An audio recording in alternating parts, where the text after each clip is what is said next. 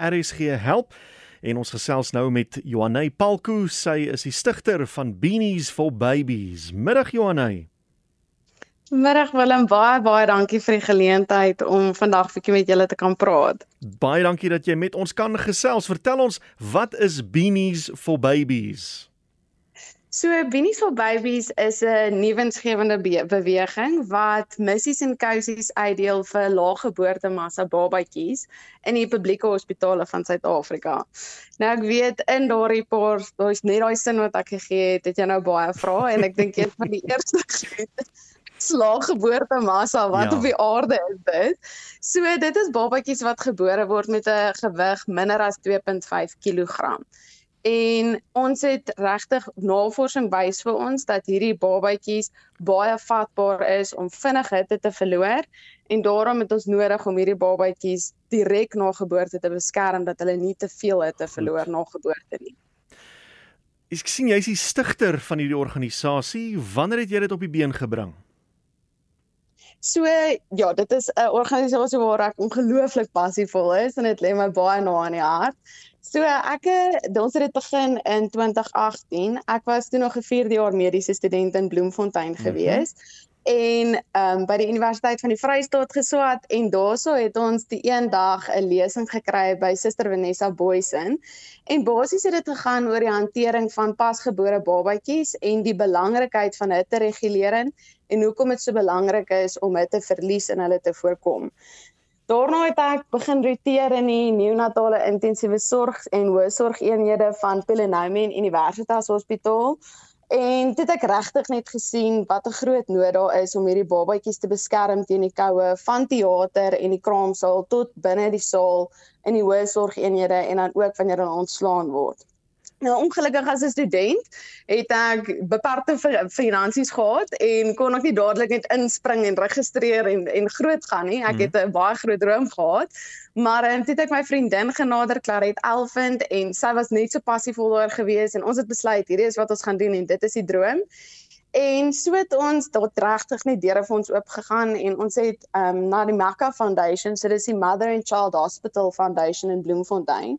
En ons het hulle genader en vir hulle gevra of ons die deel kan wees van hulle nie omrede hulle alreeds 'n geregistreerde nuwensgewende organisasie was mm -hmm. en hulle dan basies net bietjie vir ons 'n struktuur kon bied om een een van hulle projekte in te kon val en so dan finansies te kon kry en dan die projekte kon begin.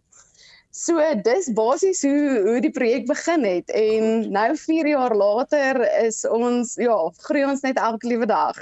Nou hoe weet julle waar is hierdie babetjies?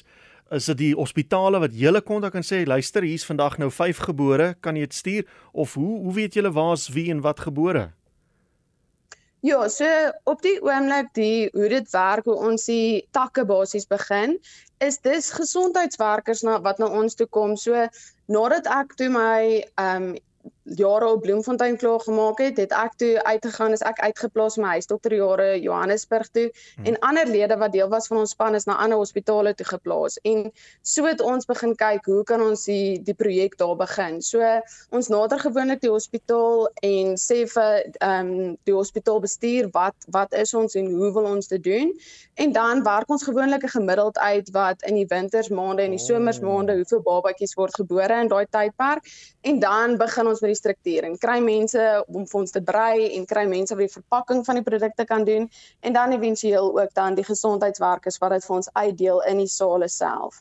Jenne. So dit is basies mense wat ons kontak of ek het nou die dag het ek ook laas jaar het ek iemand gekry wat my in KwaZulu-Natal gekontak het en sy het net gesê hulle het ongelooflike probleme met elektrisiteit in die hospitaal kan mm. ons nie help om missies te skenk nie en ons het 300 produkte dadelik vir haar gestuur. So Ja, dis hoe dit werk. My jene. Jene, maar julle is 'n goed geoliede masjien. So Johanay net gou in 'n op 'n persoonlike noot is jy nou 'n praktiserende dokter?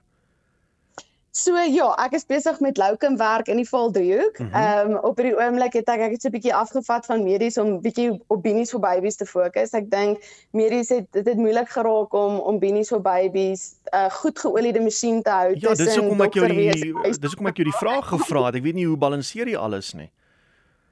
Ek het nog altyd geglo meer jy doen, meer kan jy doen. So ja, dis hoekom ek het toe regtig net hierdie 2 maande gesit en ag ja, 2023 is vir ons 'n verskriklike groot jaar. Met groot opwinding het ons uiteindelik ons aansoeke ingedien om ook 'n nuwensgewende organisasie te wees en ons wag nou vir ons nommer van die van die regering af en dan kan ons 100% sê ons is 'n nuwensgewende geregistreerde organisasie ehm um, wat al klaar ons funksioneer al reeds in 3 provinsies, 5 verskillende hospitale en ons deel al reeds tussen 1000 tot 1500 tot 1500 produkte per maand uit. Vertel ons gou van hierdie 3 provinsies en die 5 hospitale, waar's dit? So die drie provinsies is die Vrystaat omdat ons daar begin het. So dis die Vrystaat, dis Gauteng en dit is die Oos-Kaap op hierdie stadium. Mm -hmm. En dan die hospitale is maar alles publieke hospitale wat ons wat ons in funksioneer. Mm. So dis waar ons is.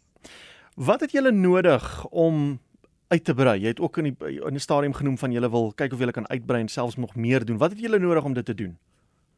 So Willem op hierdie stadium met ons regte gesondheidswerkers nodig en mense wat hulle hande opsteek en sê hulle wil die projek in die hospitaal of my begin want ons het regtig mense wat so bereid is om te skenk maar ons het produkte nodig die produkte moet ergens heen gaan. Mm. So of jy 'n suster of 'n arbeidsterapeut of 'n fisioterapeut of 'n spraakterapeut is wat in 'n hospitaal werk en jy kan nie nooit sien dat hierdie projek na jou hospitaal toe moet kom, het ons regtig nodig dat mense hulle hande moet opsteek om die projek vir ons groter te maak. En dan natuurlik het ons altyd produkte nodig. Die projek word dit al die groter. So het sy mense wat vir ons kan brei of kan hekel of het sy mense wat die produkte vir ons kan koop en kan skenk en dan ook altyd die finansiële donasies vir hmm om die plastiek sakkies en die plakkers waarmee ons die produkte verpak ook dan aan te koop en so dan die die projekte kan uitbrei. So kom ons sê daar sit nou 'n uh, tannie erns in Universitas, sy's uh, afgetree en ehm um, sy luister nou na hierdie gesprek en sy hou van brei en so aan en sy voel sy wil help. Hoe maak sy? Wie kontak sy?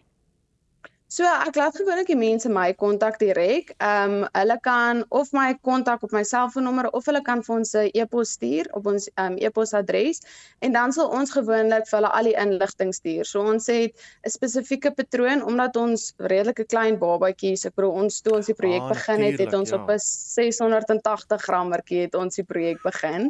So uh, ja, so dan het ons ons het spesifieke patrone wat die hmm. mense vir ons kan brei en dan van daar af sal ek dan met hulle kommunikeer en vir hulle al die patrone stuur en ook vir hulle 'n voubiljet van wat ons organisasie presies is en 'n dokument en dan ook in terme van hoe om die produkte by ons te kry sal ons gewoonlik van afleweringsmaatskappye gebruik as dit nou as dit van 'n van 'n provinsie af kom waar ons nog nie die projek begin het nie. Mm. So dan sal ons gewoonlik aflewerings um, metodes gebruik vir dit. Gee asseblief vir ons daai kontakbesonderhede.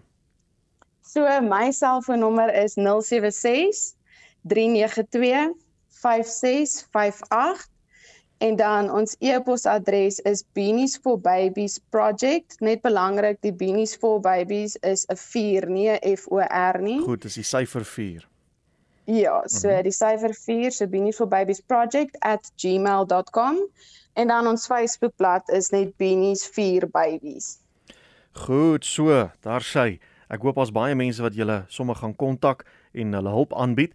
Ek wil net gou by jou hoor, die feit dat ons nou so met beerdkrag sit en ons baie hospitale veral staatshospitale wat sukkel met kragopwekkers en so aan, het dit julle enigsins bietjie besigger gemaak? Mense wat nou aan julle deur kom klop en sê die hospitaal kan nie verhit word nie. Ons het hier goed nodig om babas warm te hou. So ja, Willem, ek gaan nie ek gaan nie hospitale noem nie, maar selfs net in my huisdoktersjare het ek eh, in die 2 jaar wat ek in Gauteng gewerk het, het ek baie keer as ek 'n narkose my nagskofte gedoen het, het ons in 'n een spesifieke hospitaal was daar glad nie um, elektrisiteit gewees nie en ons kon nie die inkubators warm maak nie. Oef. En ons het in daai aand het die babatjies ongelukkig siek geraak, maar ons het ongelukkig twee babatjies verloor daai aand ook. So ek dink nie mense besef hmm. altyd hoe ongelooflik belangrik dit is dat mense moet met hand uitsteek en ek verduidelik altyd vir vir al ons ondersteuners dat die die statistiek is daar om 100% te skree dat ons gehelp moet word as 'n projek. Ek bedoel hmm. as mens vat die dos dos studies gedoen in Sub-Sahara Afrika waar dit al vasgestel word dat die insidensie van gehospitaliseerde babatjies wat hipotermie kry, so dis 'n liggaamstemperatuur minder as 36.5, so hulle word koud direk na geboorte. Hmm. Daardie insidensie is tussen 42 tot 85%. En dit kan met elke grade Celsius wat 'n babatjie se temperatuur verlaag na opname, kan dit veroorsaak dat 28% mortaliteit verhoog. So ja. en ongelukkig is babatjies nie soos ons as ouer mense wat ons kan gou-gou bewe of gou-gou 'n kombersie mm. gryp of wegbeweeg van die bron af nie. Hulle het meganismes in plek om hulle self warm te maak, maar dit is baie baie min en sodra die babatjies al klaar op daai punt is wat hulle hierdie meganismes moet gebruik, dan beteken dit hulle moet soveel energie gebruik om daai meganismes te in in plek te stel dat ah, hulle ja. daai energie verloor om te kan groei, om infeksies te beveg en dit op die ou einde beteken dan langer hospitalisasie vir daai babatjies. Nou ja, Johanay, baie dankie dat ons met jou kon gesels het. Dankie vir al die goeie werk wat julle doen. Ek gaan hierdie kontak besonderhede herhaal en ek hoop daar's baie mense wat uh, julle gaan wil help. Goed gaan daar met julle. Ag, baie baie dankie Willem en die RSG span vir die vir die geleentheid. Ek waardeer dit so baie. So gesels Johanay Palko, sy is die stigter van Beanies for Babies. Jy kan haar kontak op 076 392 5658. Hulle e-posadres is beanieforbabies en daai 4 is die getal, die syfer 4 Beanies for Babies project by gmail.com. Soek hulle ook op Facebook Beanies for Babies.